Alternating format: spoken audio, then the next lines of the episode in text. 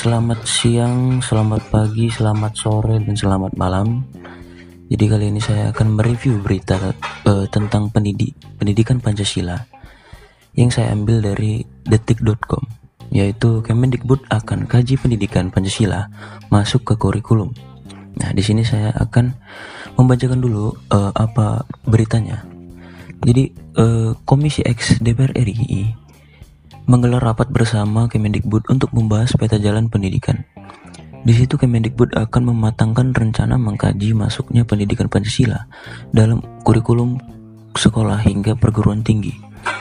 Rapat digelar, digelar di ruang rapat Komisi X DPR RI secara fisik dan virtual di gedung DPR atau MPR Jakarta Kamis tanggal 28 bulan 1 2021.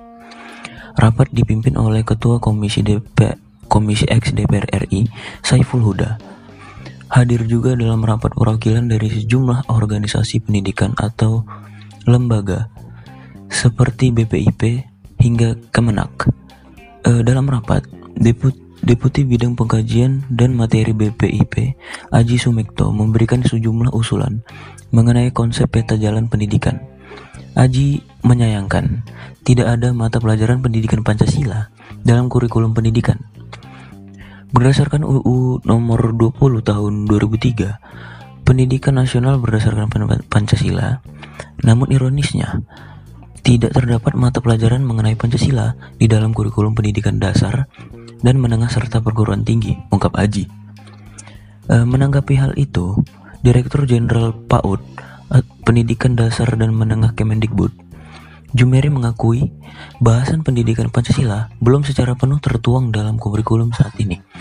Jumeri pun mengatakan akan mematangkan kajian mengenai hal itu. Tadi juga masukan dari BPIP tentang pentingnya pendidikan Pancasila yang saat ini belum secara penuh masuk ke kurikulum kita. Nanti itu kita bicarakan dalam konteks lebih lanjut untuk bisa mematangkan rencana ini, ujar Jumeri. Jumeri juga mengatakan pembahasan konsep peta jalan pendidikan tengah dikaji di jajaran Kemendikbud. Kemendikbud juga terus mendengarkan banyak masukan mulai dari pemerintah, universitas hingga organisasi pendidikan. Perjalanan peta jalan ini yang ditempuh yang telah ditempuh Kemendikbud. Kami telah melakukan komunikasi dengan banyak pihak kata Jumeri. Menurut Jumeri, saat ini peta jalan pendidikan masih terus dimatangkan hingga difinalisasi. Nantinya, ia ia akan menganyakan. Hasil peta jalan pendidikan akan diwujudkan dalam bentuk peraturan presiden atau perpres. Kemudian langkah berikut merupakan finalisasi revisi peta jalan. Pet, perjalanan kita sudah sampai mana? Saat ini disinkronisasi perubahan untuk mematangkan draft dari peta jalan. Ke depan, peta jalan diwujudkan dalam bentuk perpres untuk disahkan dan berujung pada revisi Undang-Undang Sisdiknas, ujarnya. Nah, jadi eh, jika kita lihat dari berita ini, um, pendidikan Pancasila sudah dibahas sebelumnya oleh Bapak Jumeri. Namun, belum tertuang secara penuh dalam kurikulum saat ini. Nah, di dalam rapat ini, Bapak Jumeri juga mengusulkan agar peta jalan pendidikan dapat diwujudkan dalam bentuk perpres untuk disahkan dan berujung pada revisi Undang-Undang Sisdiknas. Nah, di sini eh, kesimpulan saya adalah pendidikan Pancasila untuk sekolah dasar, menengah dan perguruan tinggi memang harus dituangkan secara penuh ke dalam kurikulum.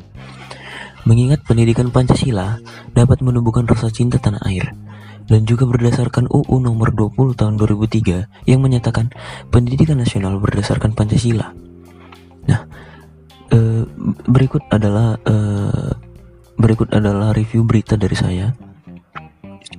Uh, mohon maaf jika ada kesalahan dalam pengucapan ataupun penjelasan. Uh, terima kasih sudah men mau mendengarkan atau meluangkan waktu mendengarkan podcast ini. Sekian dari saya. Sampai jumpa di podcast selanjutnya.